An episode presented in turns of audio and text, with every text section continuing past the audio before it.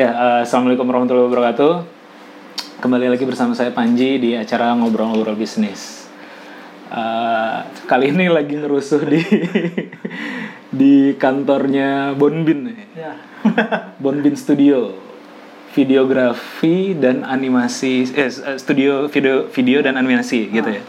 Dan di sebelah, motion graphic dan videografi. oh, di sebelah saya nih ada bosnya nih, Kang Jody ya, Ari, Aryo Jody, Jody Aryo Ari- Jodipati. Arya Jodipati, Kang Jody. Kita sebenarnya kenal tahun berapa ya? Tahun Zaman zamannya pemilu itu ya. zaman iya, ITB. Zaman zaman pemilu yang meninggalkan luka. 2015 ya. 2015 ya. 2015. Waktu itu karena sekrenya di di tempat saya jadinya. Mau nggak mau harus nah Kang Jody ini dari seni rupa lalu diriin ini ya Kang ya.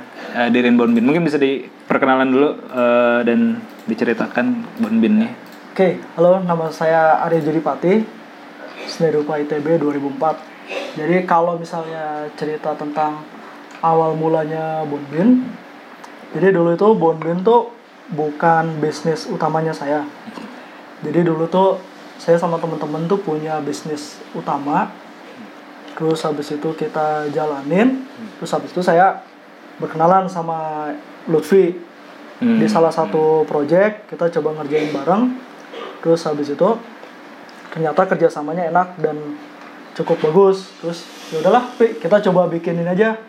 Awalnya idenya adalah studio ilustrasi. Jadi Hmm.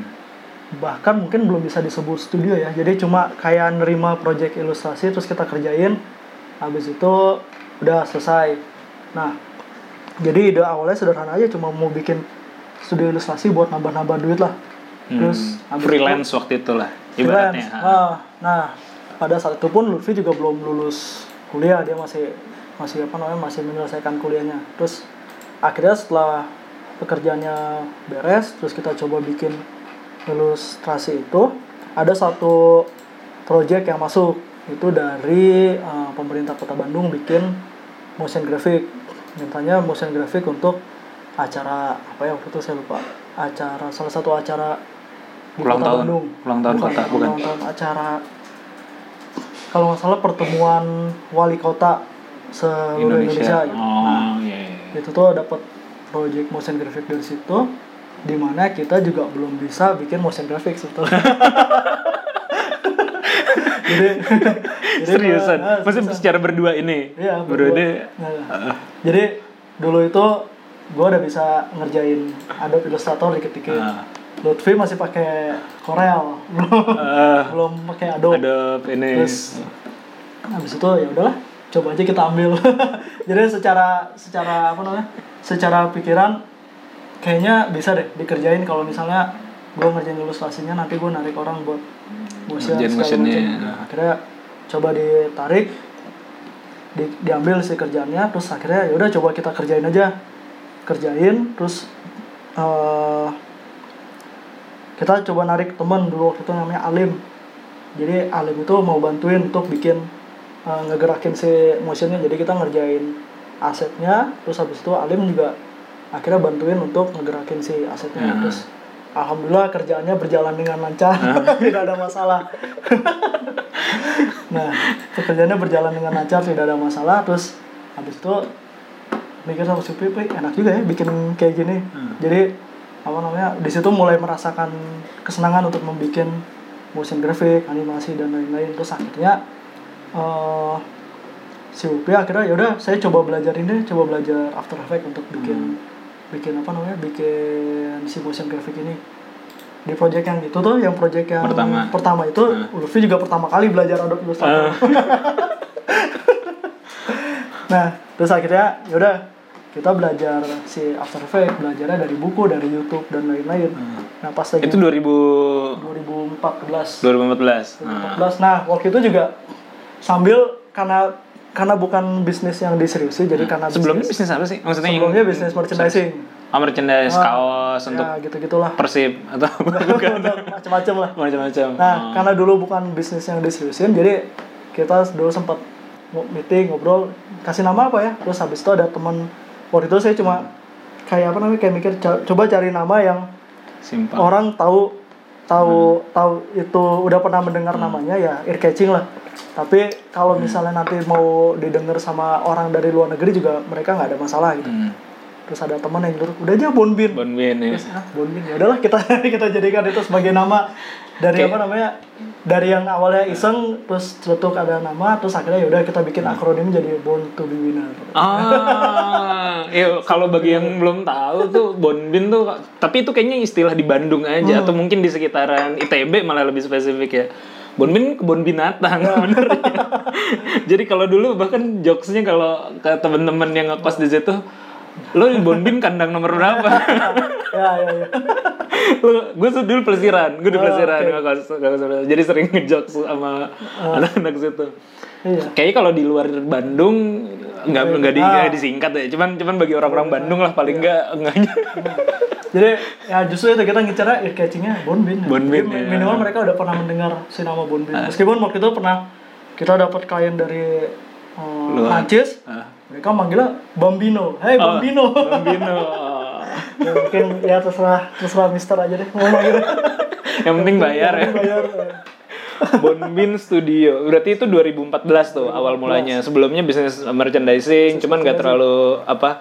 Ini juga lah akhirnya ini lebih menarik gitu ya. Nah, jadi si, kelihatan lebih si menarik. bisnis merchandisingnya itu stuck akhirnya kita akhirnya timnya bubar ya udah kita seriusinnya di Bonbin ini di Ah, Bonbin Studio ini dan kebetulan jadi itu tuh kayak bersamaan jadi si bisnis utamanya itu stuck tapi bisnis eh, apa namanya lini bisnis yang eh, studio ini. studio ini malah justru meningkat pesat. Ah, jadi eskalasinya tuh nggak nggak sebanding. Gue gue effort di sini tapi ini pertumbuhannya biasa aja. Sedangkan gue cuma effort sekian persen ini melesat Ini, ini udah. Di sini kan pertimbangan apalagi waktu itu kan udah mulai berkeluarga udah mulai segala macam terus akhirnya ya udah gue pribadi pivot Ke secara pribadi bisnis ke situ. Hmm, jadi yang ini ditutup yang ini diseriusin. Hmm. Ya ibaratnya sekian persen aja impactnya udah gede. Ya. Mau ikut join? Ya, Mau ikut join? ya. Iya. Tadi baru gabung. Eh, ini kedatangan satu lagi, enggak enggak perkenalan dulu. Ya, eh, selamat sore. Nama saya Gandek. Saya di sini jadi tukang sapu-sapu ceritanya. tukang sapu-sapu, ngelap-ngelap dinding gitu ya. Eh, tadi apa pelajarannya yang lo lo, Jadi- lo ambil? pengalaman pribadi gue jadi kalau misalnya lu udah mengeluarkan apa namanya effort katakan misalnya 90% 80% untuk ngerjain satu bisnis dan ternyata growth-nya gitu-gitu aja Hmm. sedangkan lu melakukan bisnis yang effortnya Lebih eh, minim. lebih minim tapi ternyata pertumbuhannya lebih pesat kayaknya lu harus udah mulai Fokus ke situ udah harus aja. udah mulai memikirkan mana yang ingin lu kerjakan gitu Ah, karena karena apa namanya karena yang namanya bisnis itu kalau misalnya lu mengerjakan apa namanya sesuatu yang berdasarkan idealisme ya lu boleh rugi atau segala macam tapi kalau yang namanya bisnis ada hitung-hitungan yang pada saat Iya, iya, iya. hitungan yang nggak nggak pas ya lu harus sudah mulai berbesar hati untuk Iya. melihat peluang lain Iya, rasional lah ya, Rasional. ya, rasional ya. Jadi kadang-kadang soalnya kalau ngelihat bisnis pakai apa ya perasaan karena passion apa segala macem jadi nggak logis. Ini masih ngerugi-rugi. Ah gue hajar aja lah tetap karena gue passion di situ. Gitu. Padahal sebenarnya harus rasional ya ngelihat eh, ini data lah ngelihat data. tapi tapi jangan salah juga karena apa namanya orang bilang kan eh, lawannya idealisme adalah rasionalisme Hmm. padahal sebenarnya nggak juga sih lawannya rasionalisme yang nggak rasional jadi sebenarnya Hmm. lu bisa bisa tetap Iya, mengembangkan iya. idealisme lu tapi lu juga bisa Nah. apa namanya bisa mengerjakannya secara rasional pada saat idealisme lu belum tercukupi di wadah yang ini Hmm. ya sudah lu rasional aja mengerjakannya di Iya. wadah yang lain sampai akhirnya idealisme lu bisa tercukupi Mungkin lawannya realitas kali.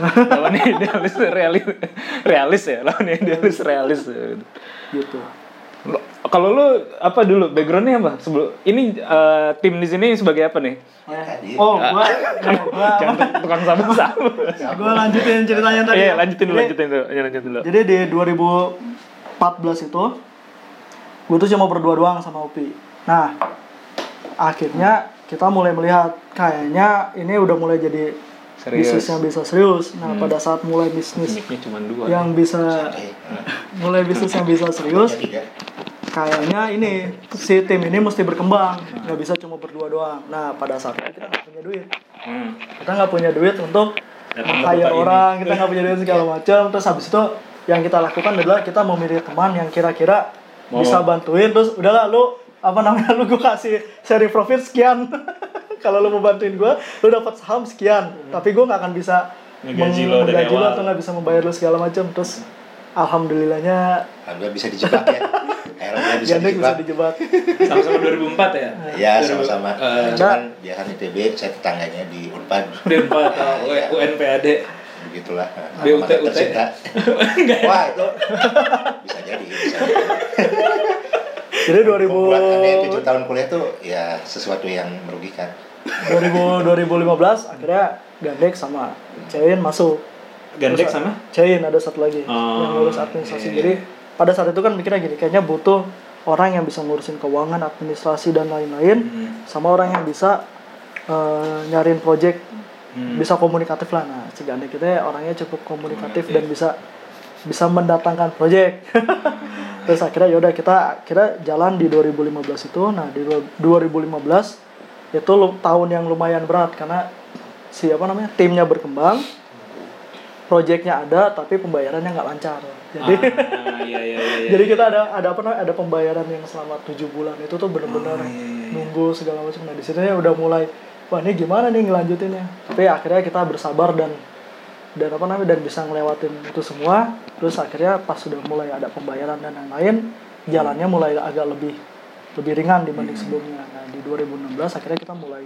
mulai merekrut orang-orang untuk bisa bantuin Tentuin lebih banyak bantuin lagi lebih ya. banyak Sampai sekarang 2019 timnya ada berapa nih yang Sekarang ada total? dua, kita ada 12 orang yang full 12 time orang. 12 orang full time ya. Hmm. Termasuk dengan founder tadi ya, ya. ah. Oh, ya lumayan juga. Cuman tadi gue ini ya pas lagi proses lo baru apa yang 2014 pada project pertama itu dari kota Bandung. Tadinya gue di mindset eh gue adalah anak-anak SR itu eh, jago semuanya gitu maksudnya. Oh. Pasti yang berhubungan sengaja berhubungan dengan apa ya? grafis atau gambar animasi itu bisa tapi ternyata enggak juga ya pas pas karena gue di jurusan keramik dulu bukan jurusan oh sendiri bukan di kafe gitu. Oh, jurusan keramik tapi sekarang ngerjain Nah, jadi ada yang menarik nih Tapi gua ada dasar lah, gambar lah ya. Dasar gambar ada cuma sebenarnya kayak lu terjun ke dunia yang benar-benar baru aja Iya iya iya. iya. Nah, jadi gue belajar dari awal sih apa namanya si software dan lain-lain Hmm. Jadi- oh karena konteksnya software ya. Software, Ah, harus ada pakai software. software ya. Nah, iya. cuma kalau misalnya kayak masalah sense, dan Sense-nya lain-lain mah. itu udah udah terlatih di kampus Hmm. cuma kayak misalnya yang ngomongin secara teknikal nah itu mesti Iya, iya, belajar iya. lagi Nah Jadi- terus eh, nah jadi kayak apa namanya kayak yang si project yang pertama. eh project yang gue pertama kali Hmm. bisa belajar bisa After Effects itu itu juga gara-gara project jadi Hmm. ada project gue beli bukunya terus gue kerjain si Oh project itu oh, kalau di eh, animasi atau di videografis atau di eh, apa ya motion grafis ini memang eh, requirement dari klien tuh harus pakai software tertentu gitu. nggak nggak harus Oh enggak, cuman yang mudah aja yang kayak mudah gitu. ya. Nah, yang bisa Yang, yang, bisa bisa dikuasai. dikerjakan sama kalau sekarang sih Sula udah mulai ada pipeline ini ya pipeline industri gitu. jadi kayak misalnya lu kalau lu ngomonginnya animasi 2D Hmm. animasi 2D terus kayak misalnya lu ngomongin Cartoon Network atau apa pun itulah Hmm. itu lu lu ngomongin softwarenya udah pasti Toon Boom Toon Boom. Toon Boom jadi kayak misalnya lu mau mau jadi bagian dari pipeline dunia animasi Hmm. ya lu Pelajari itu. itu software Toon Boom Jadi Kalau- nanti bisanya kalau ada proyekan dari sana paling nggak secara skill udah bisa lah secara ini udah karena mumpuni gitu. karena kan kayak misalnya apa namanya kayak studio animasi luar kan pasti mereka akan mencari outsource. Hmm. dan sekarang udah mulai ngelirik ke Asia Tenggara. Hmm. jadi kalau misalnya lu bisa Toon Boom mereka akan mempermudah mereka untuk mengecek. Karena se karena pada saat lu udah bisa Toon Boom lu ngasih porto mereka bisa mulai mengecek yang lain. Kayak misalnya siapa orang yang ada di belakang studio tersebut terus bagaimana keamanan studio tersebut gitu-gitu Hmm. nah tapi kalau misalnya lu belum bisa Boom udah langsung di reject sama mereka Oh, jadi paling nggak itu kayak pintu awalnya lah Pintu ya, awal. pintu masuk awalnya. Nah, kenapa waktu itu atau eh, ketika lu lulus berarti 2000 berapa? 2009 Eh, du- oh, cepet banget ya. Dulu, Du- angkatan 2000. 2004 Oh iya. lima iya. tahun lima tahun Oh, lima tahun ya. Hmm. Itu memang dari 2009 itu memang sudah bekerja mandiri, freelance atau bisnis gitu ya. ya dari 2009 udah mulai bisnis tapi bisnisnya juga bisnis yang ini lah belum bisa disebut bisnis gitu itu mah Hmm. kayak sebetulnya kayak lu eh, apa namanya kayak lu ngerjain project aja tapi lu dibikin apa hitungannya lebih bagus dibanding lu ngerjain project pada waktu masih kuliah Hmm. jadi masih belum bisa dibilang belum bisa dibilang bisnis yang kayak bisnis sekarang Eh, kayak bisnis yang proper lah, Bisnis bisnis, yang bisnis proper, yang ah. serius eh, belum lah gitu ya Belum, masih. belum. masih.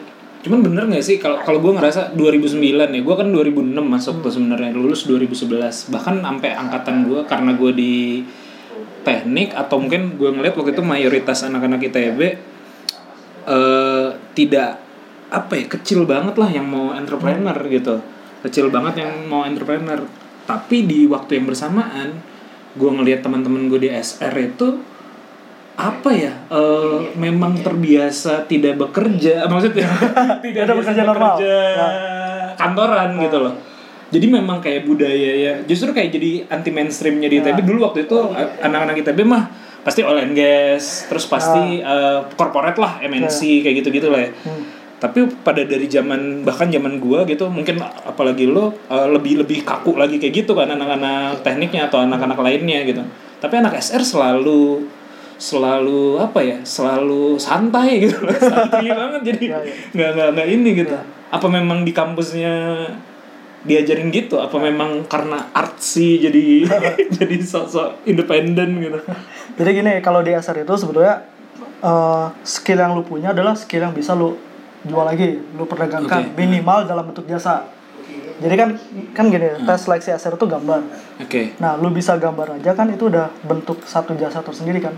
oke iya Jadi lu iya. udah bisa lu udah Jual bisa gambar. memulai bisnis yang berhubungan sama gambar menggambar. Nah, ilustrasi Ilustrasi Nah, atau apa pun itu. Nanti eh, apa namanya? outputnya lu bisa tambahin pakai software kalau lu misalnya jago gambar dan lu bisa software 3D, outputnya adalah lu bisa bikin animasi 3D atau enggak lu bisa bikin renderan 3D dan lain-lain. Nah, yang membuat kita apa namanya?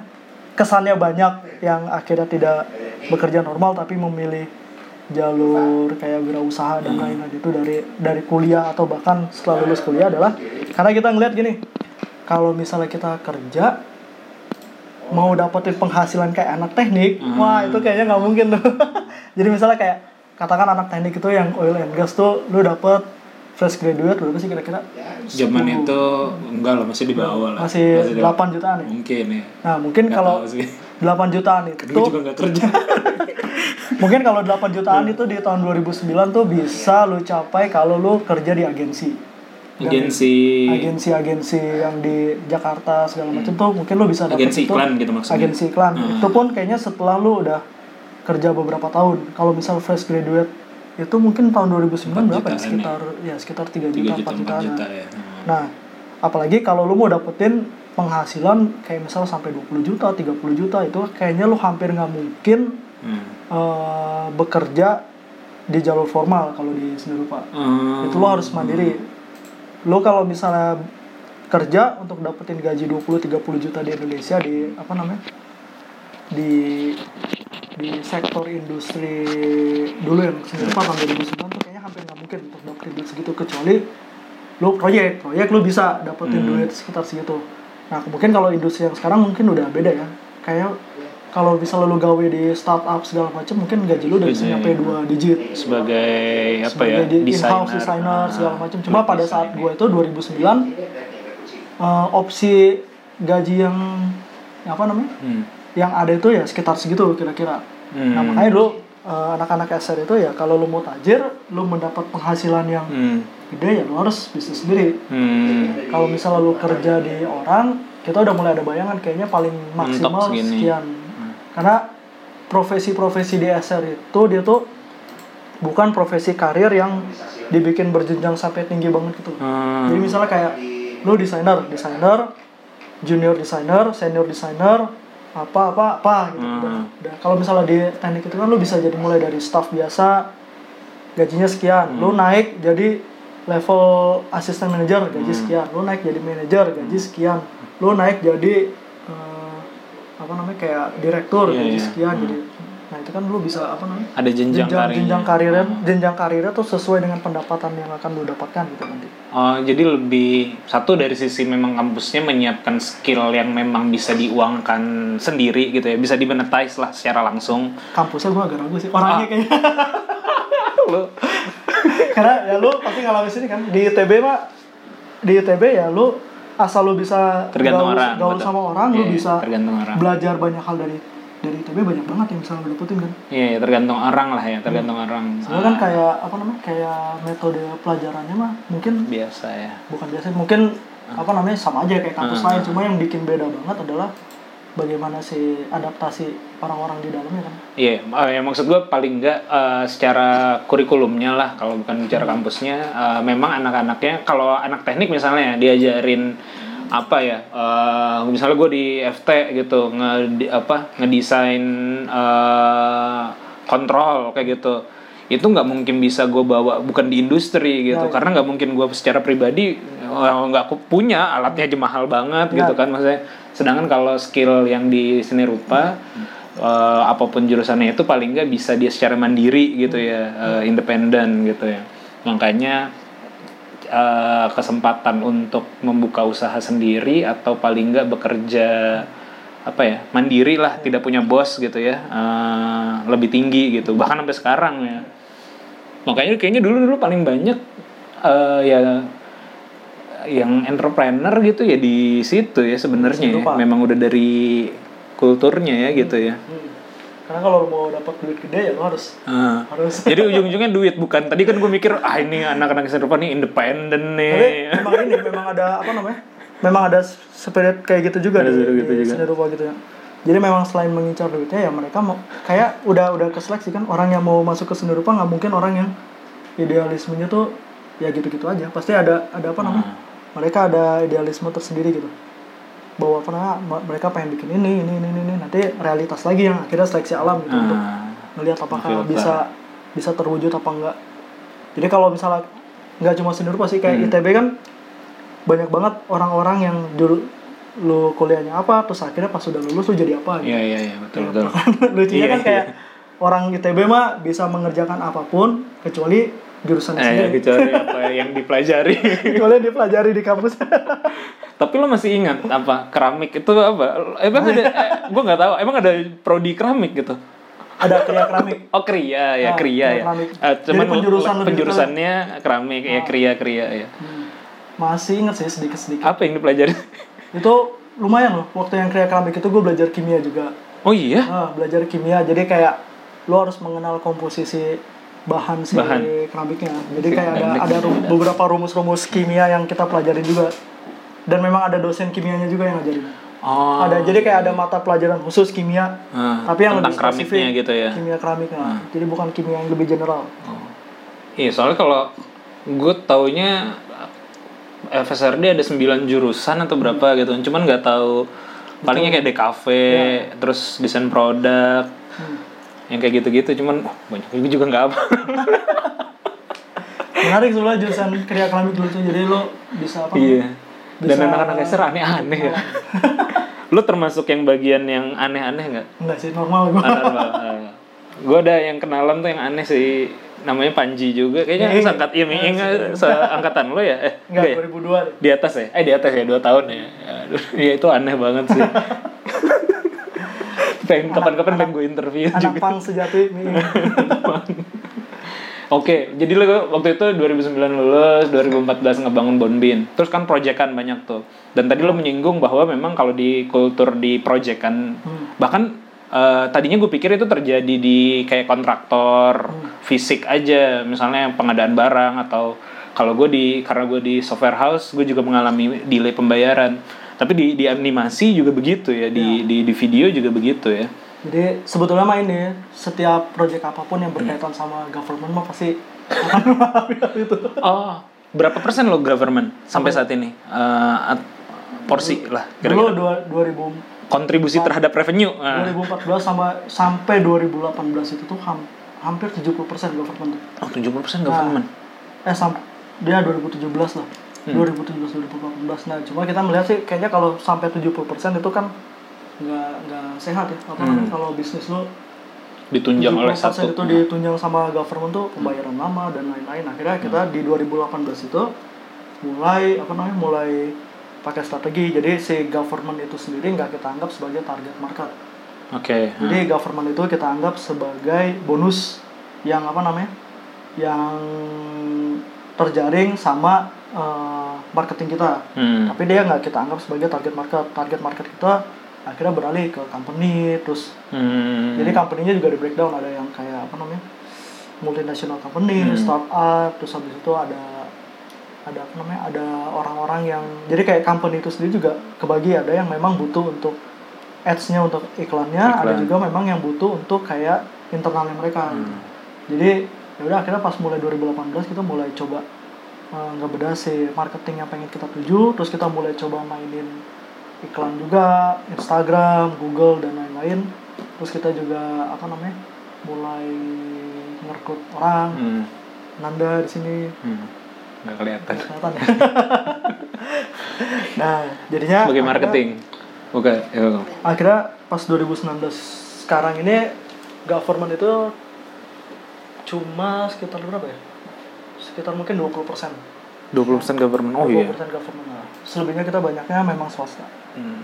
Dalam 20% ini kalau bayangan gue berarti tadinya yang 70% jadi 20% ya. Jadi sebenarnya meningkat bukan bukan Eh, dikurang enggak, ya. 20 deh. Masih masih ada sekitar 40 persenan. Oh, 40 persenan. 40 persenan.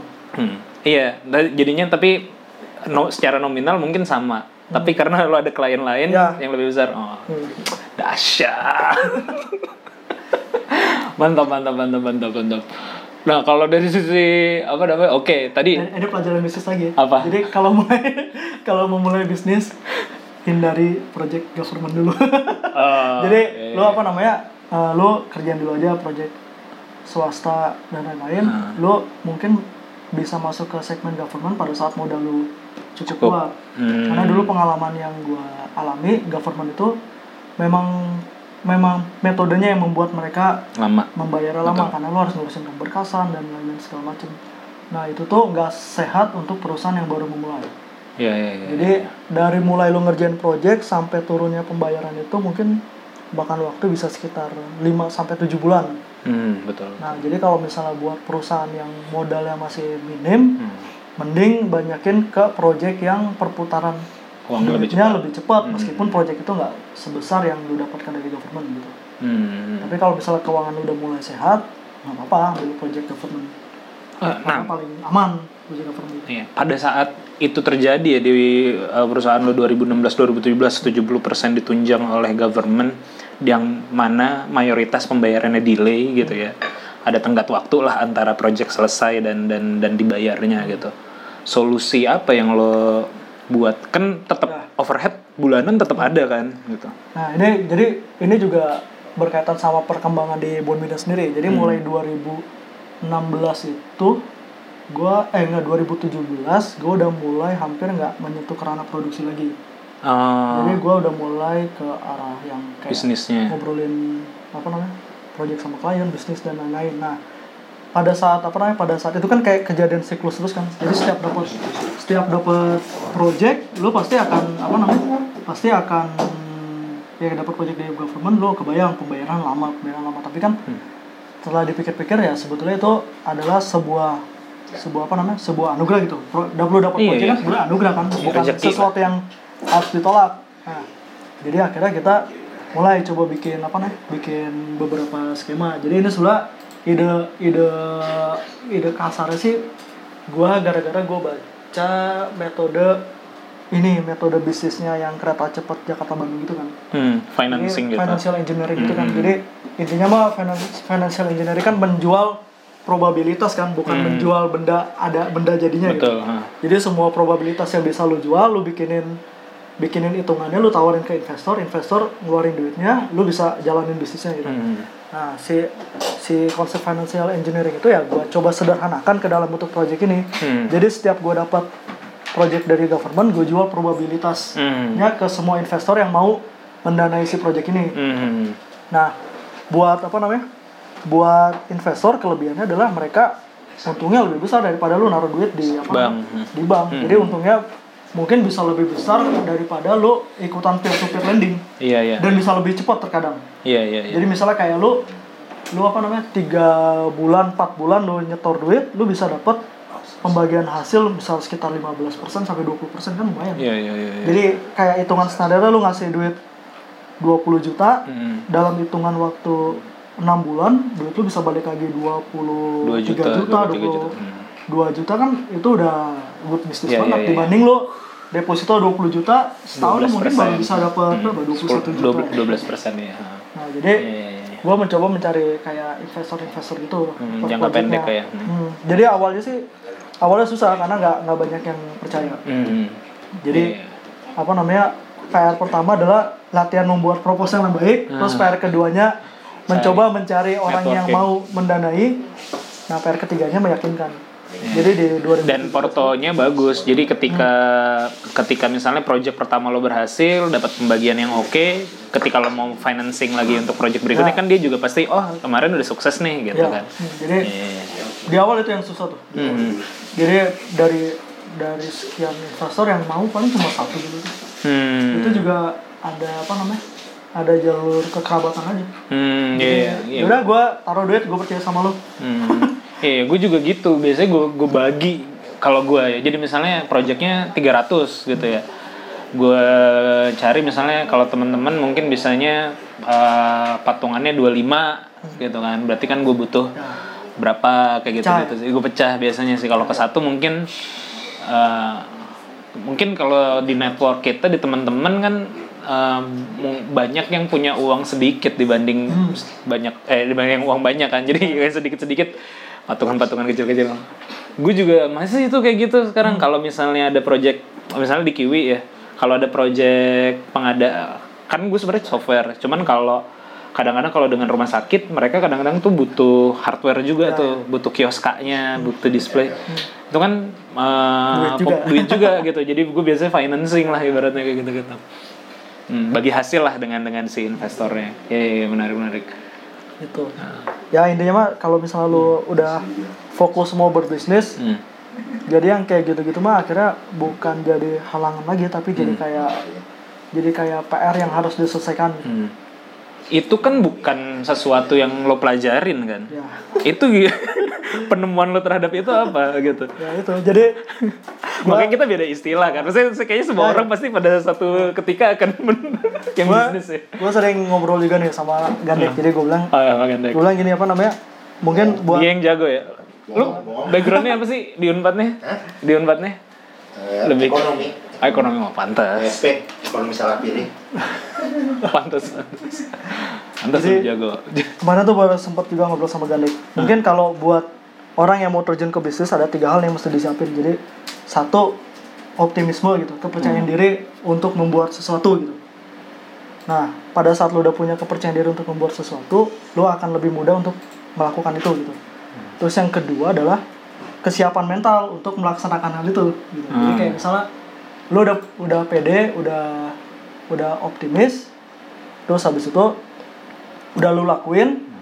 Nah lu harus punya kesiapan mental untuk melaksanakan hal itu. Termasuk adalah melakukan hal-hal yang tidak pernah lu pikirkan sebelumnya. Jadi kayak misalnya dulu gua ini banyak mengeluhnya. Jadi dulu pada saat gua mau mulai bisnis gua dapat project banyak pembayaran mundur ya gua mengeluh eh dan nih eh semacam nah tapi pada fase sekarang ya gue pikir apa namanya pada saat itu mental gue ternyata belum siap untuk jadi Hmm. pebisnis ya kalau lu pebisnis ya lu harus mikirin resikonya adalah lu mendapatkan hal-hal seperti itu gitu Hmm. pada saat lu udah terima dengan resiko seperti itu lu ada opportunity untuk belajar Hmm. jadi pada saat lu mental lu udah siap untuk menghadapi kayak apa namanya eh, telat pembayaran ada Hmm. apa namanya ada ada apa namanya operasional yang harus cepat dibayar segala Hmm. macam dan lu udah menyadari posisi lu sebagai pebisnis ya lu harus siap menghadapi mental-mental tersebut.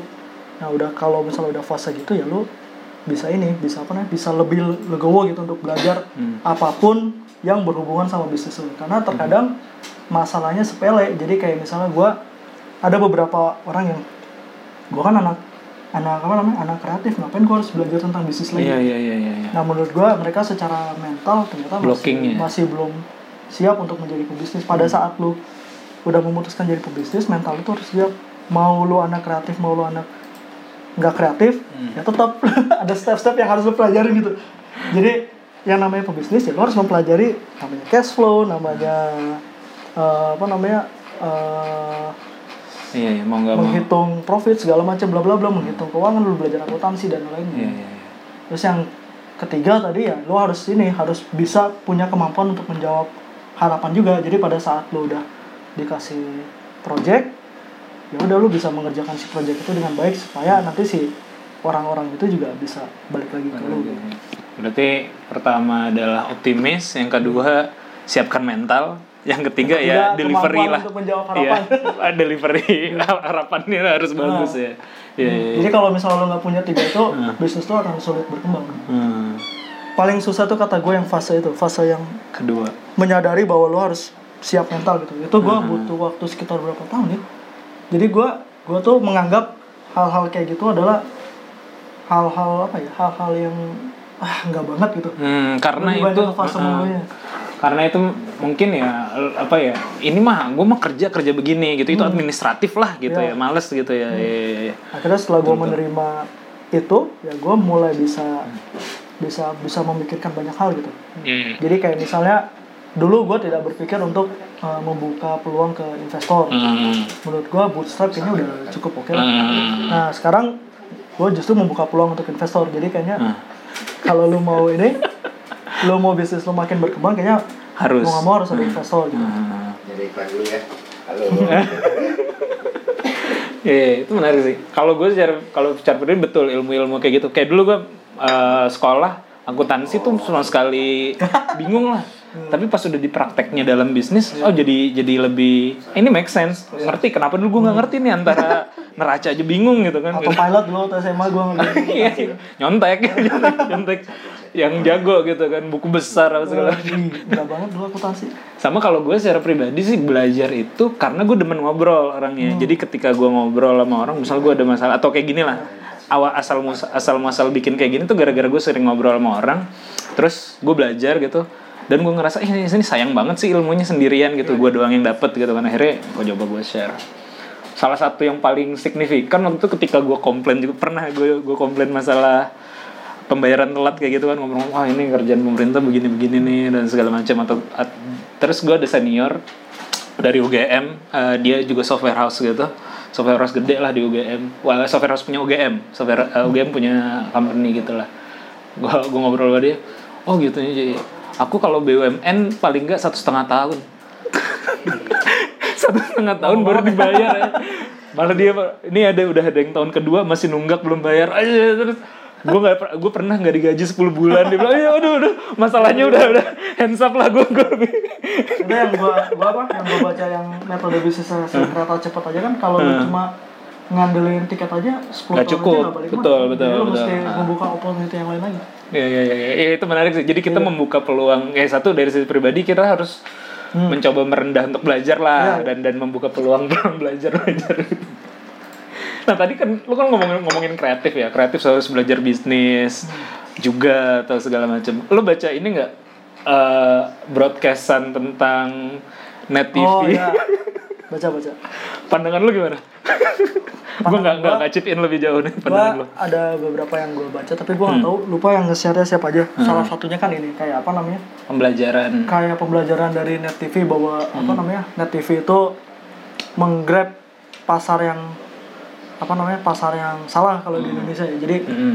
jadi mereka sebenarnya udah menargetkan menengah ke atas tapi ternyata menengah ke atas emang udah Udah nonton kabur, TV. udah, Mm. nonton, udah nggak nonton TV lagi. Jadi kalau pandangan gue pribadi ya, jadi si Net TV itu kan perusahaan udah jalan lebih dari lima tahun. lima tahun ya Hmm. Gue pribadi sih percaya perusahaan yang udah lebih dari lima tahun adalah perusahaan yang survive, yang udah Hmm. bisa melewati rintangan-rintangannya sendiri. Gitu. Hmm. Nah, itu gue juga alamin. Jadi mungkin kalau bagi orang-orang kayak ngeliat net TV itu kayak wah ini kayaknya udah mulai sejak kala ini nih sejak kala Iya, udah mau net TV segala macam. Tapi kalau menurut gue sih ini yang mereka lakukan itu kan sebenarnya bukan memecat karyawan, efisiensi kan. Hmm. Jadi gue pikir gue pikir lagi si net TV mungkin memang lagi menyiapkan strategi baru untuk Hmm. untuk apa namanya untuk tempur. Hmm. Jadi kalau dari gue sih terlalu dini untuk bilang si net TV udah tenggelam. Bisa jadi apa namanya eh, mereka memang lagi melakukan penghematan besar-besaran untuk pivot. Iya, iya, iya. Nah pivot terjadi apa kan belum tahu bisa jadi eh, OTT kayak si Netflix. Netflix, Nah, Netflix dan lain-lain atau bisa jadi kayak bisa jadi pure content creator untuk Hmm. menjual produk-produknya ke eh, Netflix atau enggak ke Netflix Iya. atau enggak ke OTT lain. Jadi menurut gua Net, Net TV itu memang udah nggak ada yang apa namanya udah mulai kehilangan penontonnya Hmm. tapi secara brand itu mereka masih bagus banget Hmm. jadi pada saat kayak gue gue nggak pernah nonton TV Hmm. tapi kalau gue ditanya lu tau net TV nggak tahu. Jadi image yang gue bayangin adalah stasiun TV yang berkualitas dengan produk-produk yang bagus gitu. Hmm. nah jadi menurut gue kan si brand itu kan aset tuh. Aset yang apa namanya? Besar lah. yang besar kalau misalnya mau di mau dijual atau di bisnis itu gede banget duitnya. Nah kalau misalnya lu udah punya Brand image itu. brand sebesar itu masa mau lu bangkrutin sih? Nggak mungkin kan? Iya. nah pasti mereka menurut gua pivot akan pivotnya jadi apa masih belum tahu Belum tahu.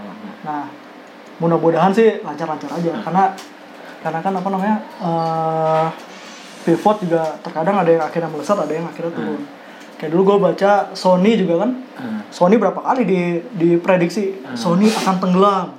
Sony kalah sama Samsung bla bla bla segala macam. Mereka mau melakukan pengurangan Hmm. karyawan di wilayah Eropa ya segala macam. Tapi begitu apa namanya? masih, Ya begitu produk ininya jelek, ternyata penjualan kameranya bagus banget Hmm. si Sony. Terus Hmm.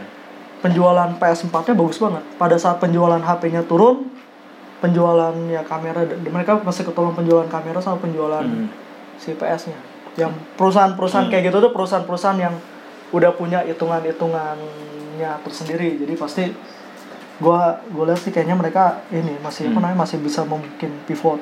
Enggak, eh, sebenarnya gue nanya tadi dalam konteks ya nggak apa-apa lo lo jawab gitu. Cuman dalam dalam konteks eh, ya nggak apa-apa. Maksudnya itu itu pandangan menarik juga gitu. Cuman dalam dalam konteks kan eh, di salah satu artikel atau yang gue baca juga ya termasuk sebenarnya artikel yang sama ya yang tentang market salah milih market. Tapi yang lebih urgent dari situ adalah masalah eh, idealisme si direksinya. Maksudnya kan oh ini mah memang eh, bisnis media itu Eh, kalau lo masuk dengan kreativitas saja, tidak mikirin bisnis, eh, tidak apa ya, tidak laku lah ibaratnya. Apakah mungkin yang dilakukan dalam konteks ini adalah si misalnya siapa ya, Wisnu Tama gitu ya? Karena memang dia konten kreator gitu, makanya dia bikin program ya kita. gue juga jarang nonton gitu pas tapi eh, kita tahu ya program bagus-bagus gitu bagus eh, secara value apa ya secara value produk eh, value hasil produk itu bagus tapi tidak menjual gitu kan. Itu kan anak ini banget ya maksudnya kreator banget lah ya. Apakah menurut lo tadi kan lo bilang oh, anak kreatif juga sebenarnya harus agak belajar bisnis. Apakah apa begitu nggak tuh? Ya jadi kalau menurut gua pada saat lu terjun ke dunia bisnis, Hmm. mau lu adalah bisnis kreatif Hmm. atau bisnis gak kreatif, intinya mau gara-gara ada ada bisnis kreatif nih jadi seolah-olah bisnis lain tidak kreatif nih bisnis kreatif atau bisnis Tidak bisnis kreatif. yang lain gitu, bisnis- bisnis lain. Jadi menurut gua pada saat lu ngomongin bisnis, udah udah ada udah ada rulesnya Iya, mainnya. bisnis gitu Jadi ya. apa namanya eh, aturan bisnis ya profit harus lebih besar daripada eh, pengeluaran ya kan. Jadi hmm. jadi yang bisa lo lakukan adalah memikirkan sebuah konten kreatif atau sebuah hal kreatif yang bisa dijadikan bisnis. Iya, Karena kalau misalnya lu tidak ya. kalau misalnya lu apa namanya eh, tidak melakukan bisnis ya lu cuma melakukan kegiatan kreatif. ya. iya iya iya. Nah kalau kegiatan kreatif ya bebas lu terserah mau dapat duit syukur kalau nggak dapat duit nggak apa-apa. Tapi Iya, kalau iya, iya. lu ngomonginnya bisnis kreatif, industri kreatif ya otomatis ada rules rules yang memang harus di apa namanya dijalanin. Iya, lu nggak iya, bisa iya. Nggak bisa berapa tahun pen, neraca penjualannya tuh Negatif. terus, negatif Ah, terus. ah, ah. Kan kayak ada ada limit misalnya kayak bisa jadi bisa jadi apa namanya neraca keuangannya merah terus itu adalah salah satu bagian dari strategi perusahaan tapi dibatasin kita boleh Hmm. merah selama tiga tahun atau lima tahun tapi enam tahun harus sudah mulai balik lagi Positif, jadi kayak gitu kan Iya iya iya iya. Ya itu strategi ya. Beda dengan dengan ya tadi ya dan apakah memang akan anjlok atau enggak. Iya. Tapi Karena- poinnya yang tadi menurut gue bagus sih yang orang kreatif ataupun eh, kita kalau udah mau ngomongin bisnis Hmm. apa pun background lo gitu ya. Iya. Misal bisnis di kreatif atau tadinya lo adalah geek banget, Hmm. coder gitu ya, apa programmer gitu. Ketika lo udah nyemplung ke bisnis ya harus mikirin aspek bisnisnya Iya. juga, nggak nggak nggak mesti lo keindahan produknya, Iya. kebagusan produknya, tapi juga gimana dia menjual ya gitu. Hmm, karena menurut gue ini sih terkadang apa namanya terkadang batasan-batasan itu yang bikin indah gitu? jadi misalnya pada saat nggak ada batasan-batasan itu kan lu jadi kayak bisa berbuat apa pun yang lu pengen kan? Ah. tapi karena misalnya ada batasan-batasan itu tuh justru sebetulnya kayak membantu lu untuk menemukan pola yang cocok. Ah. jadi kayak misalnya gue di industri apa namanya? Di industri motion graphic lah industri motion graphic atau animasi. Itu apa namanya? Ada ada batasannya lo harus membuat sebuah produk yang kayak gini. Jadi terkadang itu tuh membantu lo untuk bisa lebih cepat dalam memutuskan sesuatu atau membuat sesuatu. Hmm. Eh, ya si jadi batasan-batasan itu tuh ya, batasan budget bagus. lah atau Batasan batasan, ya ruang lingkup kayak gitu. Malah jadi membuat kita kreatif ya dengan Iya. budget segini. Kita bisa buat buat apa nih yang yang ini ya yang menguntungkan eh, yang nggak rugi yang eh, yang yang paling bagus gitu ya. Iya, betul betul. Karena terkadang produk kreatif yang terlalu idealisme itu penikmatnya juga bisa jadi sangat kecil tuh. Kecil ya, iya, iya. Project yang paling apa ya berkesan lah. Yang selama ini lo yang paling puas deh terhadap hasilnya kalau lo ini. Yang paling puas ya. Gua salah satunya ini yang Bandung Tourism itu cukup puas. Bandung Tourism apa tuh? Bikin apa? Eh, yang ini yang buat Pemkot Iklan. Bandung waktu itu yang Iklan video. iklan tourism kota Bandung. Oh, oke oke ya ya tahu. tourism kota Bandung yang apa namanya? Nanti bisa dicek di Cie. link mana gue ngasih gue juga linknya nggak tahu bisa dicek di Bonbin Oh, ya, di Bonbin ada ya? Bonbin Di YouTube terus nanti ada oke. apa namanya Ah. Bandung Tourism nah itu Ah. itu cukup puas karena budget yang dikasih ke kita kecil banget Nah. tapi bisa menjawab harapan banyak orang di situ Ah, boleh bocoran gak sih kalau Bonbin tuh kecil bangetnya seberapa? tergantung proyeknya Enggak, tadi kan lo bilang Bandung Tourism tuh kecil banget project. kecil banget karena ekspektasi Oh, dari scope, dari scope ya. bukan dari Ah, dari segi budget kecil banget karena ekspektasinya dengan melihat gini, scope-nya besar. ekspektasinya gue tadinya adalah menggandeng eh, apa namanya salah satu artis yang pada saat itu lagi naik daun banget artis cewek Ah, jadi Isyana. ini inisialnya ini I. inisialnya depannya Chelsea belakangnya Islam Ya, nah untuk hire dia Hmm. aja gue nanya ke si apa namanya si manajernya Hmm. itu kira-kira sekian m untuk kontrak satu tahun oh, untuk satu video jadi setelah satu tahun video itu udah nggak boleh di harus turun gitu. ya Ah. pokoknya udah nggak boleh di inilah udah nggak boleh dijadikan sebagai alat promosi lagi Aha. nah budget yang ada aja itu cuma sekitar 20% dari kontrak sih di situ Lu, eh, terus akhirnya pakai Chelsea lesan abal-abal. akhirnya ya gue pakai ini aja pakai apa namanya pakai Chelsea lesan KW. eh, selebgram selebgram yang Ah. mau di ini mau Mau sesuai budget lah. Hmm. Oke, eh, biasanya kalau kayak gitu tuh artis eh, klien yang minta atau memang lo lo lagi demen aja sama artis? oh nggak klien kalau itu tuh oh klien. jadi jadi di waktu itu klien minta dikasih Listnya. sekalian nomor manajer dan lain jadi saat itu tuh klien klien gua udah melakukan komunikasi verbal sama si Oh. sama si artisnya Ya ya ya. ya. nah, si kliennya ini juga salah satu wali kota Bandung pada Iya. tahun Udah spesifik lah. Waktu itu fotonya kan banyak kan di. di- nah, jadi Udah spesifik udah, udah gitu. komunikasi verbal Eh, Eh mau ya promoin di ini gitu ya kan pasti. dia ngomong "Eh, kamu nanti bantuin promosi kota Bandungnya jadi Chelsea waktu itu udah ya mau terus habis itu gue kontak manajernya terus dikasih harganya buset harganya harganya nggak sesuai anggaran yang ditepatin ya udah kita kita nggak jadi Iya iya iya. iya. Oh itu menurut lu paling lu paling puas terhadap itu karena budgetnya salah satunya. Hmm. karena budgetnya terbatas tapi lu bisa berkreasi dengan Oh iya. baik di situ ya. Oh iya iya. iya. Itu tapi ada ada beberapa juga sih proyek-proyek yang menyenangkan kayak apa kayak ya kayak ada animasi tentang lingkungan juga tuh Hmm. gue seneng ngerjain terus animasi eh motion graphic pertama yang dibikin sama Bonbin juga Hmm. Ah, yang waktu yang tadi lo cerita Ah. itu, ha? Motion graphic apa tuh? itu eh, sanitasi lingkungan kalau salah itu buat gue pokoknya itu buat dipakai di acara yang pertemuan wali kota tapi itu tuh Kontennya tentang lingkungan. kontennya tentang eh, tentang lingkungan sungai gitu Hmm. Nah, itu berkesan karena itu kan kayak pertama kalinya Dapat. sebagai tim gitu ngerjain. Dan hasilnya bagus. Hasilnya bagus untuk saat itu. bagus untuk saat itu nggak tahu kalau ngeliat lagi sekarang. Oke. Ada nggak hasil produksi Bonbin yang lo malu? Ada makanya nggak kita upload. Ada. maksudnya. Ada dulu awal-awal berdiri kan awal-awal berdiri tuh ini eh, apa namanya? Ada aja project-project yang Sempalan. sekian bisa nggak? Ah. Ya bisa sih tapi apa namanya hasilnya kayak gini ya udah nggak apa-apa lah Iya. udah kita kerjain tapi yang kayak gitu-gitu nggak kita upload gitu. karena susah juga itu berarti eh, karena waktu itu apa budgetnya tidak tidak bagus lah ya, tidak tidak tidak proper lah untuk bikin produksi yang sama bagus. ini waktunya mepet banget Ah iya iya. Kalau proyek pemerintah apalagi kan akhir tahun suka-suka ngegenjot gitu ya. Oke, lu tadi kan kita udah ngomongin itu ya. Kalau dari sisi film, kan kemarin kita sempat ketemu di uh, BIP ya, B- di Backcraft ya, di Backcraft itu. Ya BIP bukan BIP Mall tapi Backcraft gitu. Bantuan Eh, insentif pemerintah Bantuan insentif pemerintah. Bonbin lolos nih. Tahap kedua mudah-mudahan dapat lah. amin Amin. sama lu juga lolos ya Eh, waktu itu ngomongin, ngomongin film kan dan terus eh, teman-teman yang di sektor film kan banyak memang yang bikin film dokumenter atau kayak gitu-gitu. Kalau dari sisi Bonbin sendiri ada nggak sih concern untuk ke arahnya ke situ juga gitu, production film gitu ya?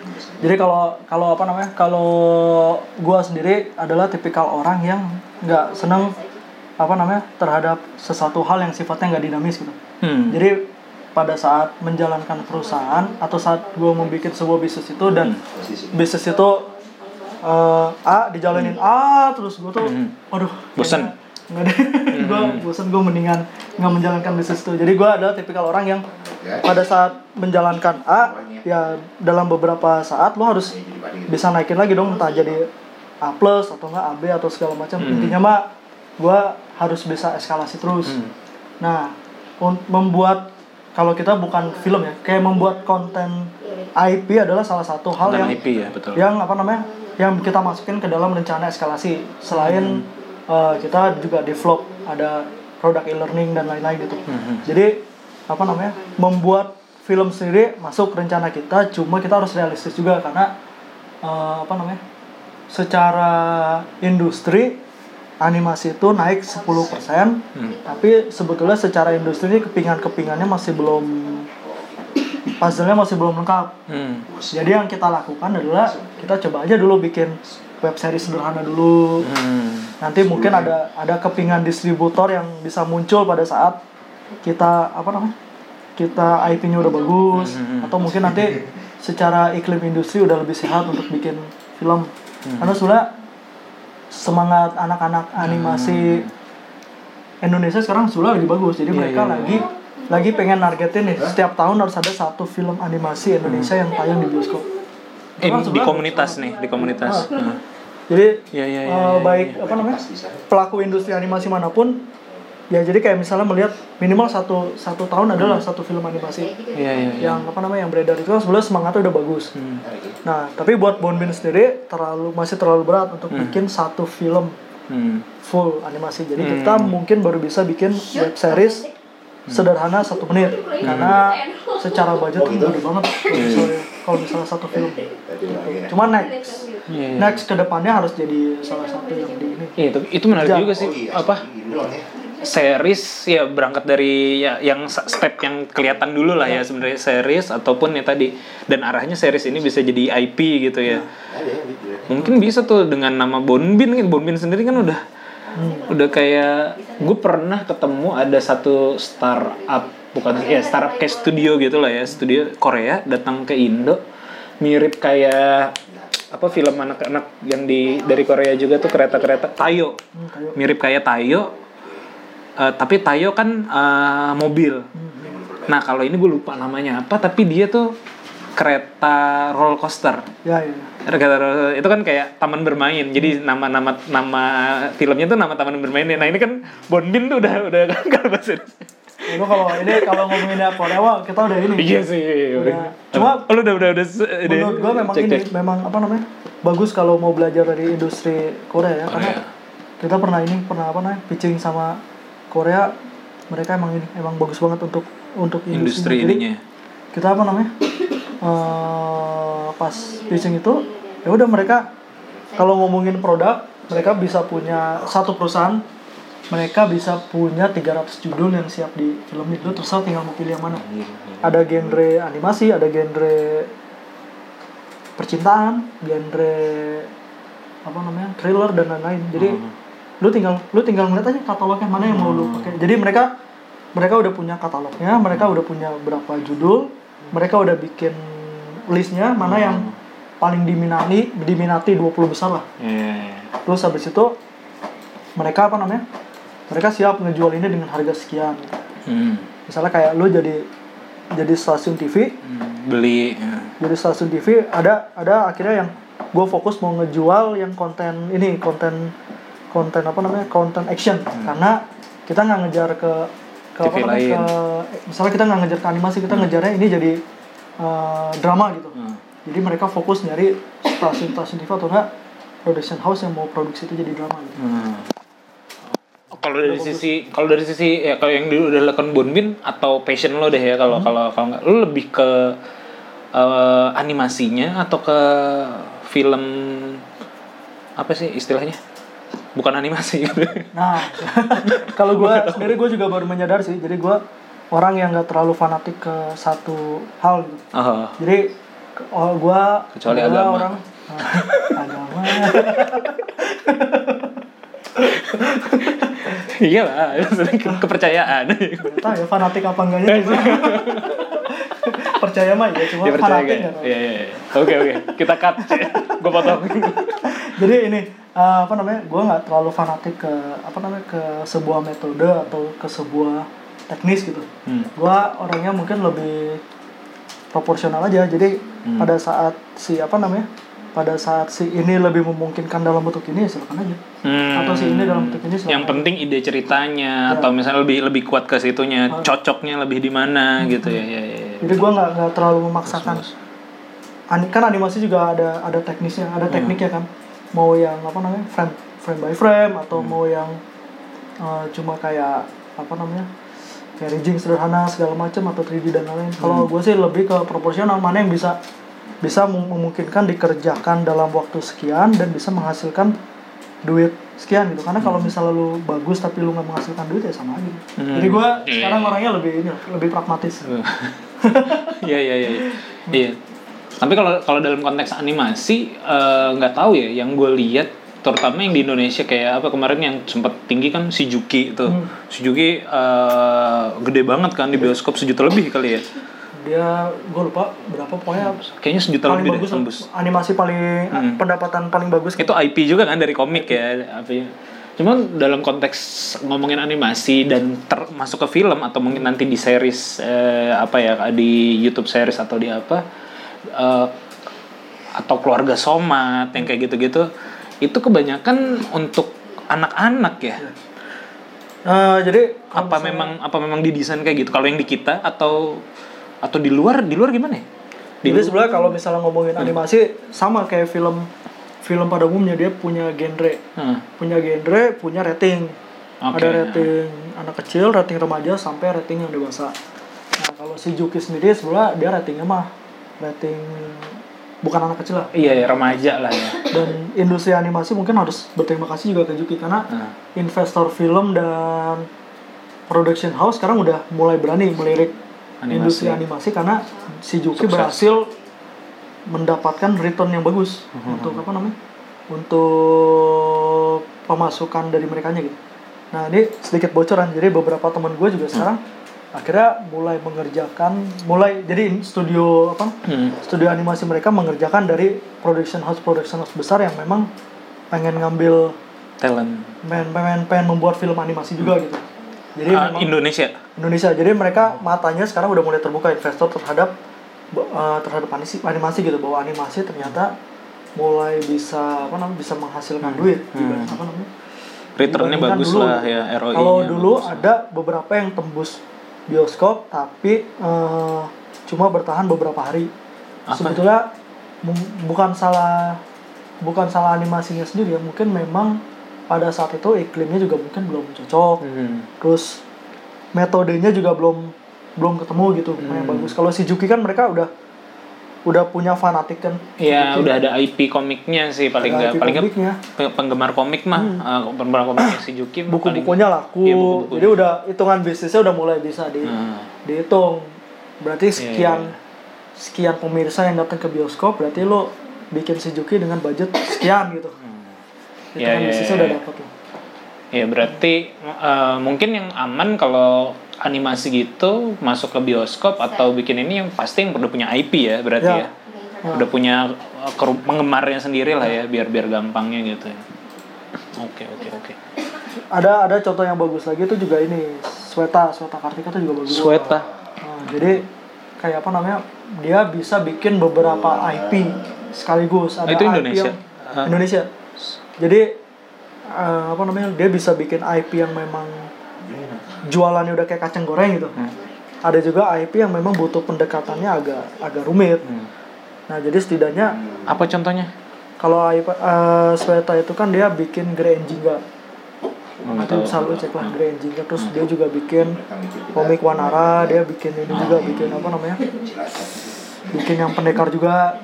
Nah dia Hmm. dia punya produk IP yang memang gampang dijual. Ada produk IP yang memang membutuhkan waktu dan pembaca yang tepat gitu untuk ini tapi Hmm. secara bisnis bagus secara kua- kualitas karya juga bagus Hmm, jadi mereka punya beberapa itu dan mungkin nanti tadi lo bilang karena lo multi nggak tergantung dalam satu udah nggak terkotak dalam satu genre atau dalam satu metode lo sebenarnya bisa melihat nantinya ke mana gitu ya biar biar lebih fleksibel lah.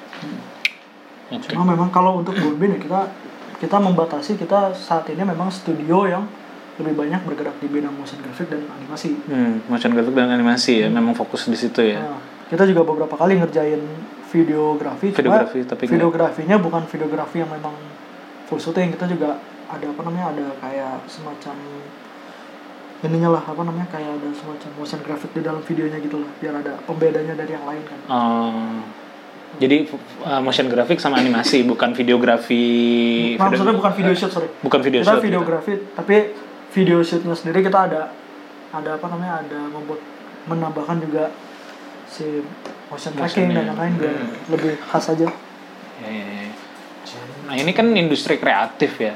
Terus juga lu berarti kan meng-hire orang-orang kreatif kan di dalam sini ya. Timnya, tim tim anak-anaknya kreatif.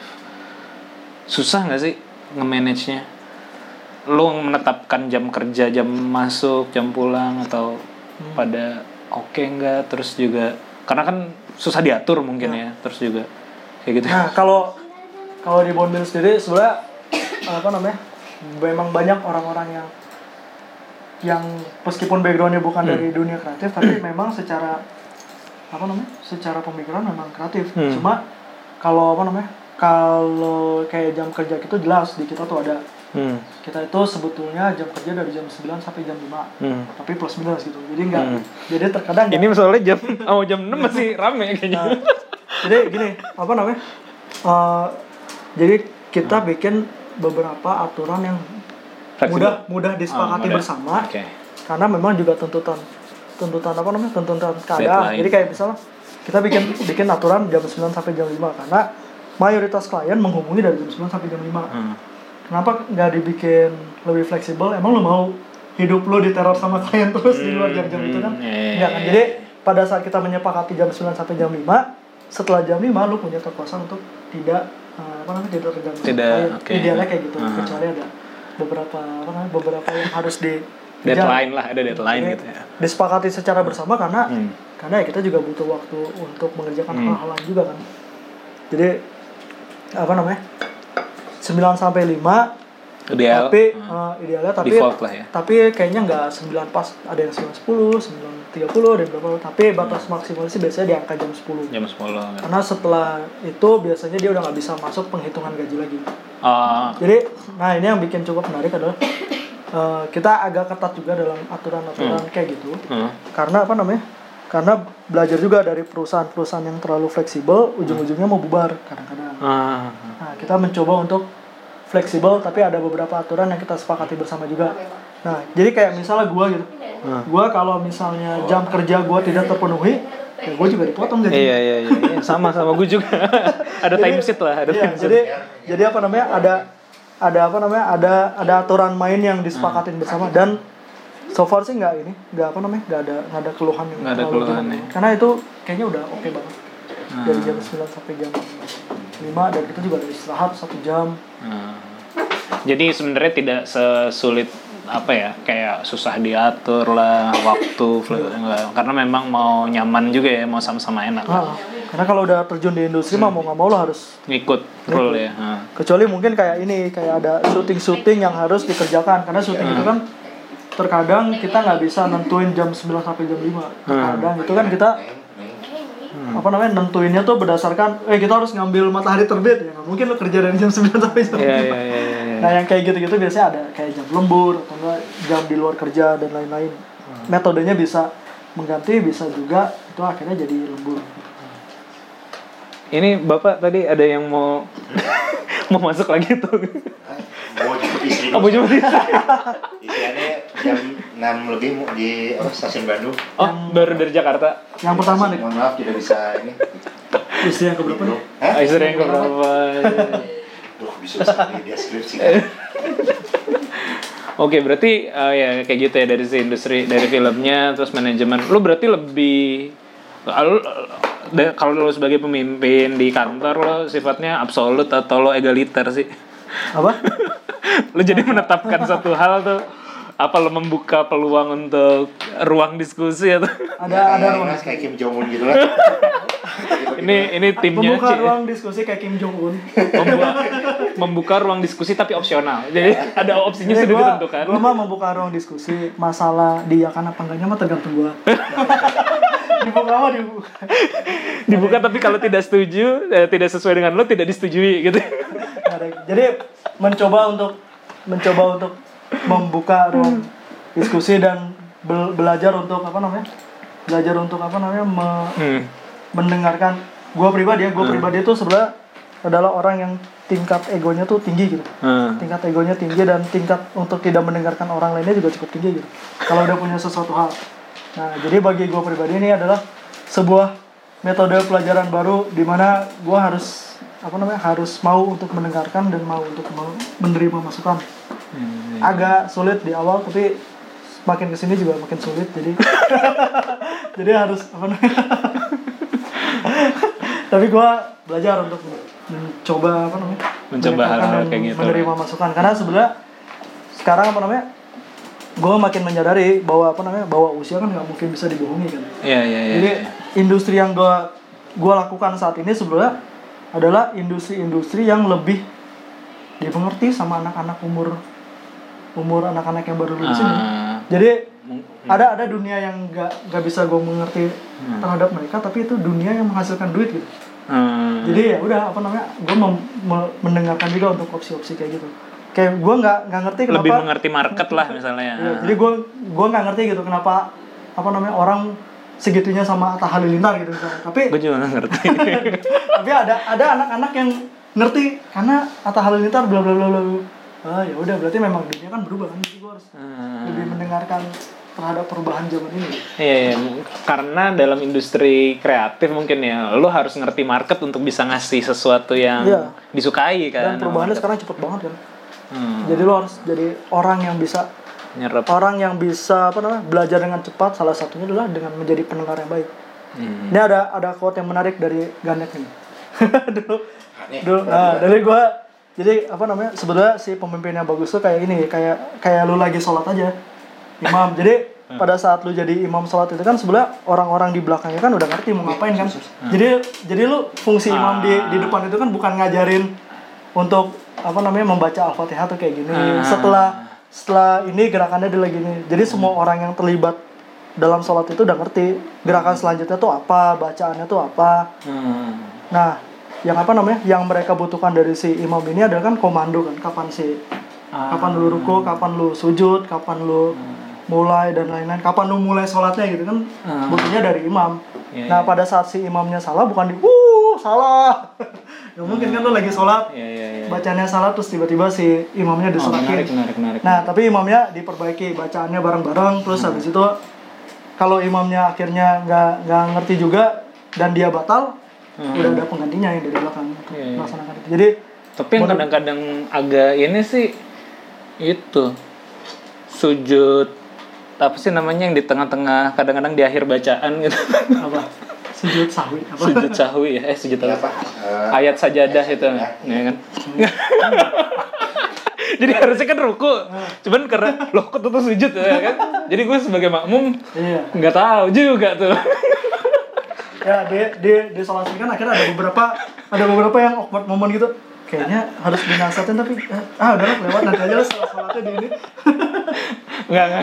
Ya, oke oke. Itu analoginya bagus ya jadi sebenarnya dari analogi. oke oke oke. Bagus bagus bagus bagus. Jadi sebelah jadi sebelah yang bagus Iya. adalah ini. Apa namanya masing-masing orang di sudah tahu rule eh, rule-nya ya. Jadi si imam itu bukan membatasi Hmm. gerakan atau bla bla bla segala macamnya. Dia memberikan komando dan lain-lain. Dan dan apa namanya dan orang mengikuti si imam itu bukan karena lu pengen ngikutin kan? Kayak misalnya kayak apa namanya? Ah Edan si imamnya dia gue nggak mau ngikutin. Kan kayak gitu kan? Pada saat lu udah masuk ke dalam saf barisan ya lu mau lu seneng atau enggak sama si imamnya lu tetap harus menyelesaikan si sholat itu kan? Iya iya lu iya, tetap iya. harus tetap harus ngikutin si imamnya harus tetap menyelesaikan sholatnya. Jadi bukan dilihat dari figurnya siapa yang mimpin tapi apa namanya lu melaksanakan melaksanakan si kepemimpinannya karena memang itu yang harus dilakukan gitu. Hmm, iya. menarik menarik menarik. Itu itu keren banget sih. Ya gue cuma menyampaikan doang? Jadi iya iya gue jadi baru dapat analogi yang kayak gini. Jadi kalau kalau gue pribadi itu gue apa namanya eh ya itu tadi kan gue bilang di awal gue tuh nggak nggak apa namanya nggak senang mengerjakan sesuatu yang gitu-gitu aja jadi Hmm. ya itu harus ada step by stepnya misalnya tahun sekian omsetnya sekian Hmm. ya tahun depan harus nambah kalau enggak gue bosan banget ngerjain sesuatu yang omsetnya iya nggak iya ada. iya nah termasuk juga perusahaan jadi pada saat meskipun pada saat ini levelnya dari segini tapi step by step dia harus naik terus terus terus kalau enggak Sudah nih. Mhm. Iya. thank you ya quotes-nya Oh, sorry. ya, padahal karena ada dia sendiri. cuman di di di, di personifikasi ke orang oke oke. Eh, jadi lupa tadi gue mau nanya apa ya? Aduh. Eh lupa eh. Oh yaudah eh, oh iya. Dalam dalam eh, ini kan udah tahun ke lima ya berarti ya. Tahun kelima keberjalanan Bonbin. Ini udah mendekati akhir nih jadi eh, lagi arahnya mau ke mana nih eh, saat ini gitu? Nyambung sama yang tadi yang gue sebenarnya nggak Hmm. terlalu apa namanya nggak terlalu fanatik sama satu sistem atau sama satu metode hmm.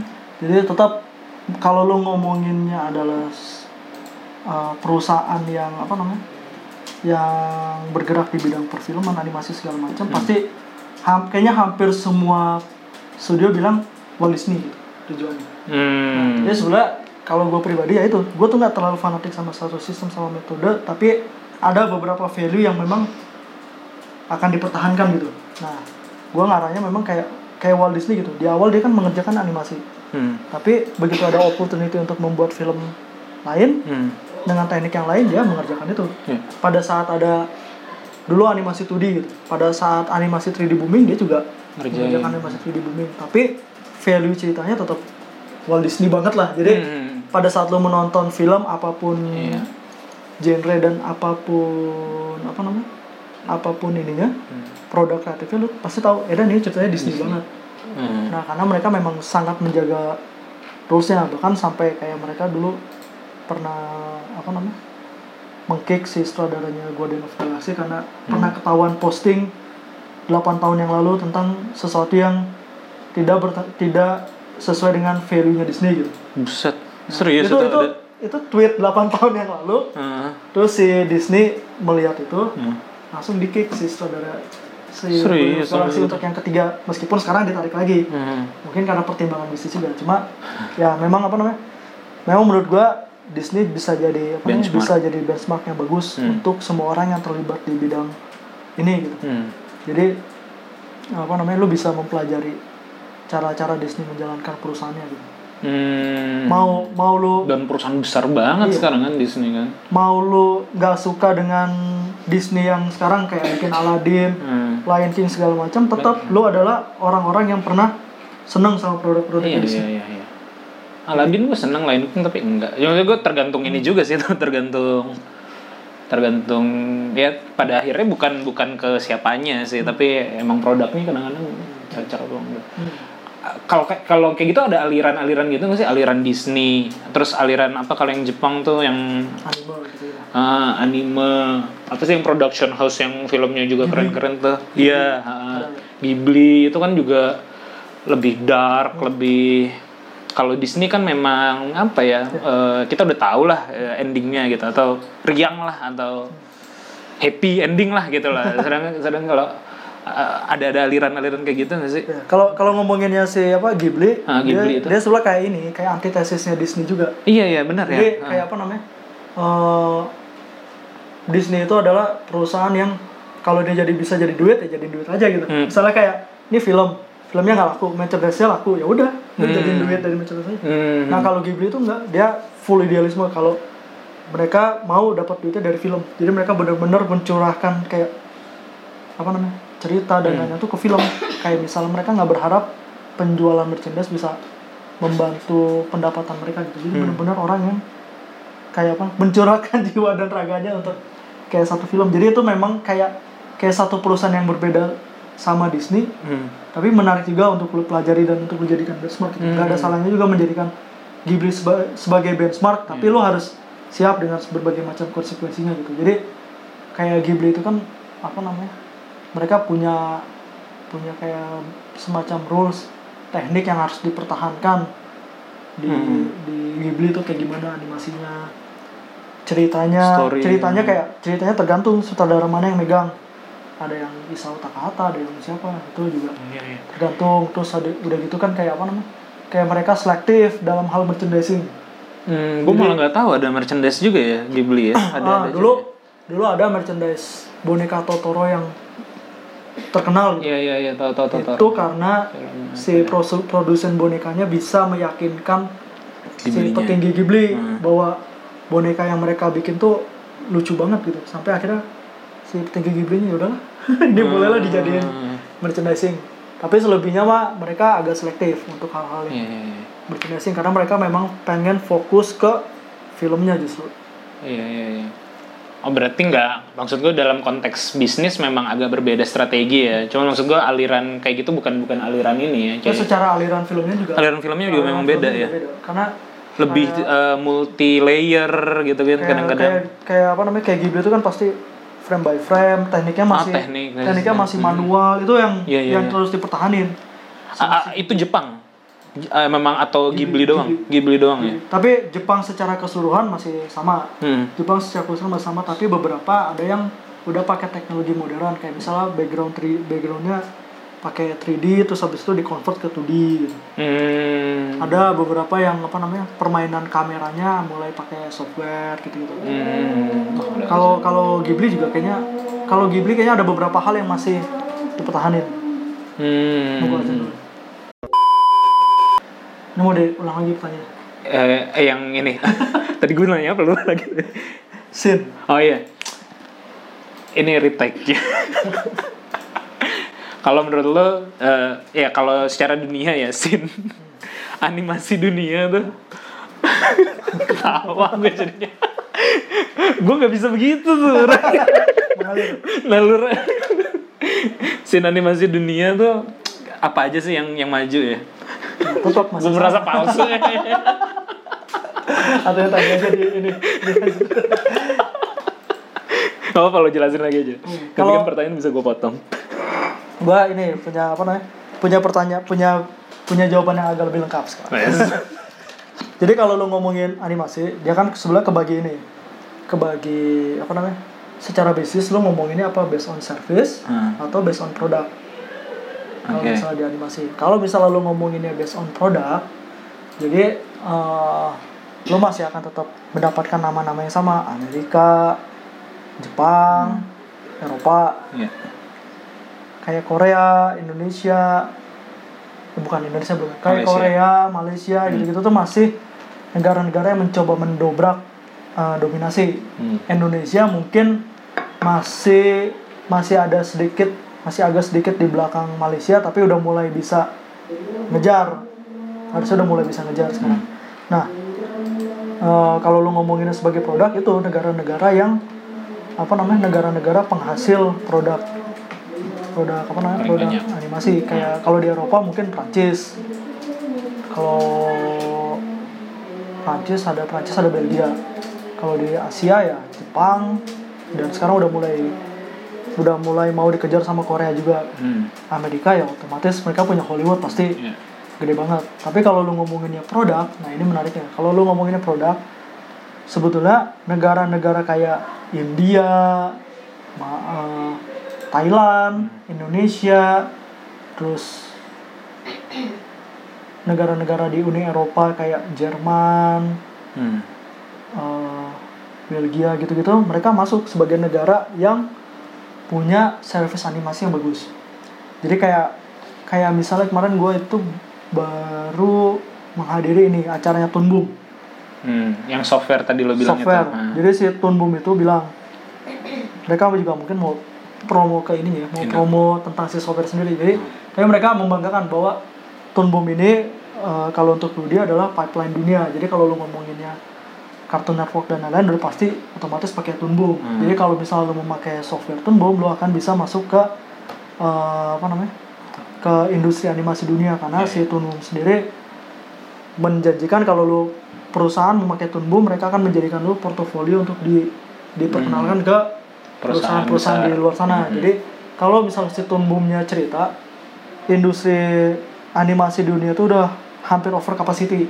Jadi kayak Hmm. misalnya di Eropa, di Permintaan Amerika, banyak gitu. ah, di Eropa di Amerika itu untuk apa namanya untuk menyelesaikan semua permintaan itu udah hampir nggak tampung. Jadi Hmm. akhirnya luber kan. Nah luberannya ini ditampung sama India, ditampung sama Malaysia, ditampung sama Thailand dan Hmm. lain-lain.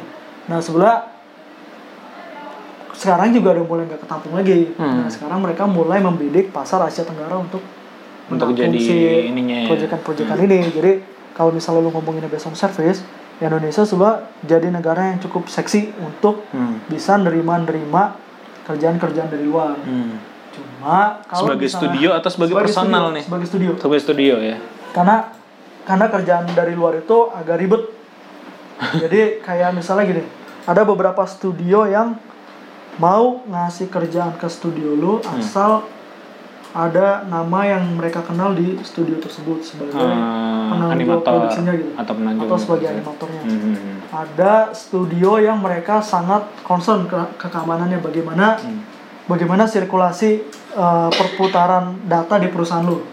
Nah, itu mereka concern ke situ kayak- data tuh maksudnya eh, apa? Informasi bocor. Jadi misalnya kayak gini, uh, apa namanya uh, di di studio lo perputaran datanya gimana sih? Asal colok main flash disk, Oh, terus lo pulang bisa iya. bawa flash disk lagi, mereka concern ke situ. Hmm. Karena mereka nggak pengen si data IP-nya bocor. Iya iya. iya. Karena kalau bagi mereka data IP bocor itu kan sama aja kayak potongan si itu Iya, iya, iya, bocor. iya, iya. Kebanyakan itu Ke mana gitu merugikan ya. banget. Hmm, hmm. Oh iya, Terus- iya, itu concernnya parah sih ya. Hmm, Ada lagi negara kayak Belgia, mereka menutup pintu untuk apa namanya eh, negara-negara di luar Uni Eropa. Hmm. Karena kalau misalnya di luar Uni Eropa mereka nggak bisa dapat funding dari European Union pemerintahnya. ya, ya, ya, ya, ya, ya, ya. jadi Ada eh, rule-rule ya. Ada rules ya. Tapi kalau misalnya lo bisa kayak Toon Boom atau software yang dipakai di dunia minimal lo udah punya pintunya menuju ke sana. Hmm. Kalau ada ada studio di Indonesia namanya Best di Bali, mereka banyak banget BS, BS, BS. BASA, Oh, ba- BASA. BS ya. ha. Mereka banyak banget dapetin project-project dari luar negeri. Hmm. Mereka memang mereka udah jadi kayak inilah kayak status studio besar di Indonesia. Mereka punya apa namanya? Punya orang yang cukup dikenal di dunia Di animasi dunia. untuk Hmm. menjalankan project-projectnya dan bahkan sekarang udah diakuisisi sekarang sama perusahaan Kanada biasa gitu. Oh. Iya. Jadi sebelah eh, Indonesia jadi potensi pasar yang cukup seksi Hmm. untuk level service, Hmm. basic service. Iya, bahkan kan soalnya kalau di berita-berita kan suka banyak nama-nama animator Indonesia kan sebenarnya yang masuk-masuk. Oh, ini yang ngerjain film ini loh di luar, ini ngerjain film ini. Jadi gue rasa mungkin secara skill kayaknya mah nggak Oh. ketinggalan ya. Mungkin. skill nggak ada masalah. Dan secara masalah, ya. salary kan juga sebenarnya cukup ini kan bagi bagi bagi negara luar mah Murah ya. cukup murah. Hmm. Secara Lu pernah ngerjain ada project luar dari luar? Dari luar sempat ada tapi bukan yang based on service kayak gini. Hmm. Jadi kayak iklan gitu, Ah, kan oke ngerjain oke oke oke oke oke oke. Oke, eh, udah panjang juga nih dan udah maghrib juga.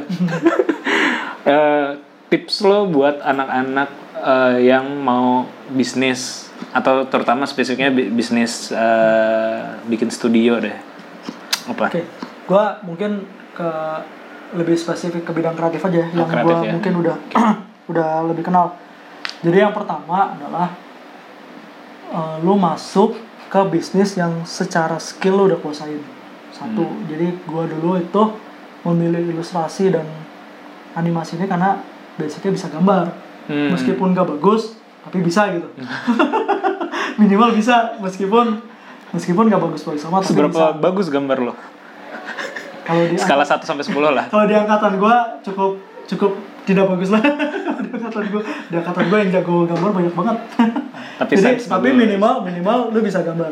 Jadi itu udah udah bisa jadi modal buat lu terjun ke industri gitu. Nah. karena selebihnya kalau lu udah punya satu skill yang lu kuasain lu akan lebih mudah untuk belajar hal lain. Kayak Hmm. belajar dari softwarenya belajar dari sense dan lain-lain. Jadi lu jangan memulai bisnis yang sebetulnya lu tidak kuasain di awal Hmm. ini pelajaran dari gue dulu gue pernah mencoba belajar bisnis nasi kuning Ah, jualan nasi kuning. jualan nasi kuning itu kan se, se- kalau dipikir-pikir lagi tuh konyol banget sih gue nggak pernah nggak pernah tahu kuliner terus mencoba itu karena ini Bisa aja masak, tapi enggak juga. Enggak. Bisa. jadi gue gue beli putus sama Orang. salah satu orang terus gue jual nah itu kan kalau dipikir-pikir konyol juga ya wajar aja lu rugi karena Hmm.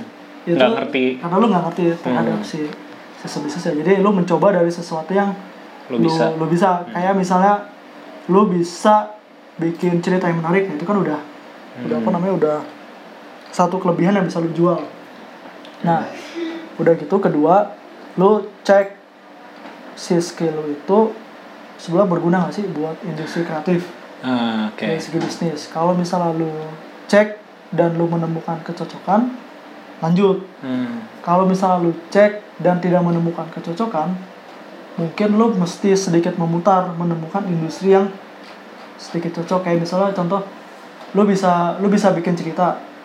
Tapi apa namanya mungkin secara bisnis agak agak sulit. Jadi kayak misalnya lu bikin studio yang fokus untuk menghasilkan cerita-cerita cerita terus.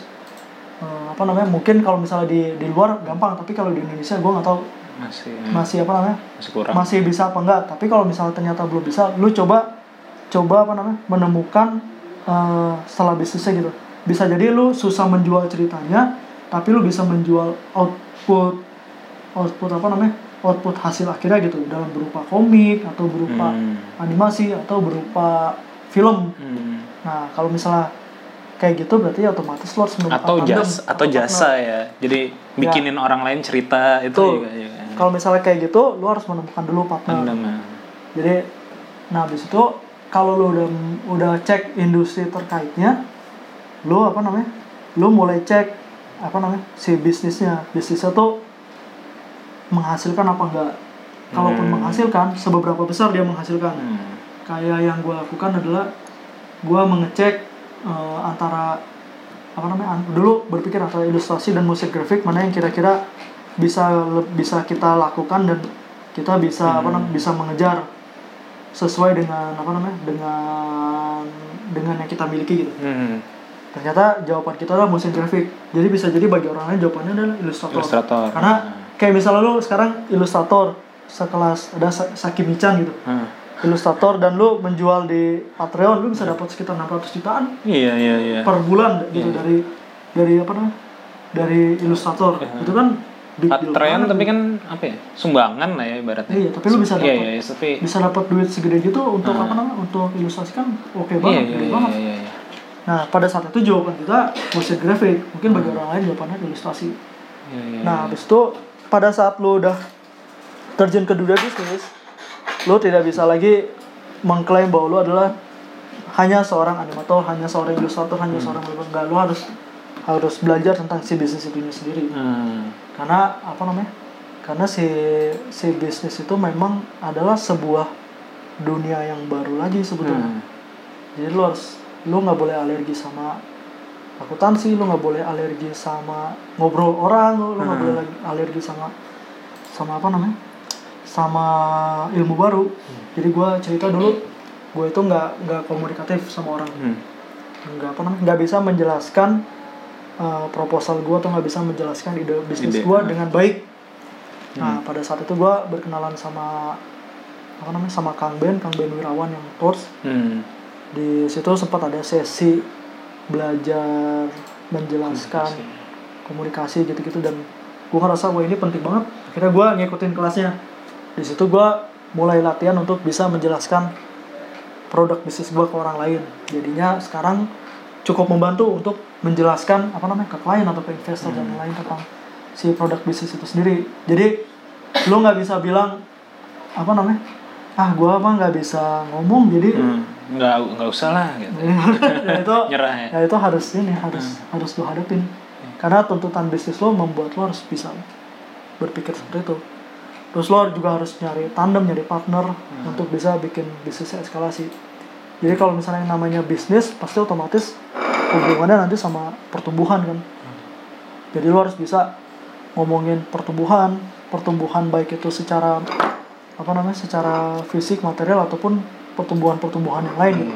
Sip, sip, sip, keren, keren. Moga-moga makin sukses Bonbin Studio. Thank you banget nih sharingnya. Oh ya kalau kalau gagal bisnis udahlah biasa aja. Biasa aja.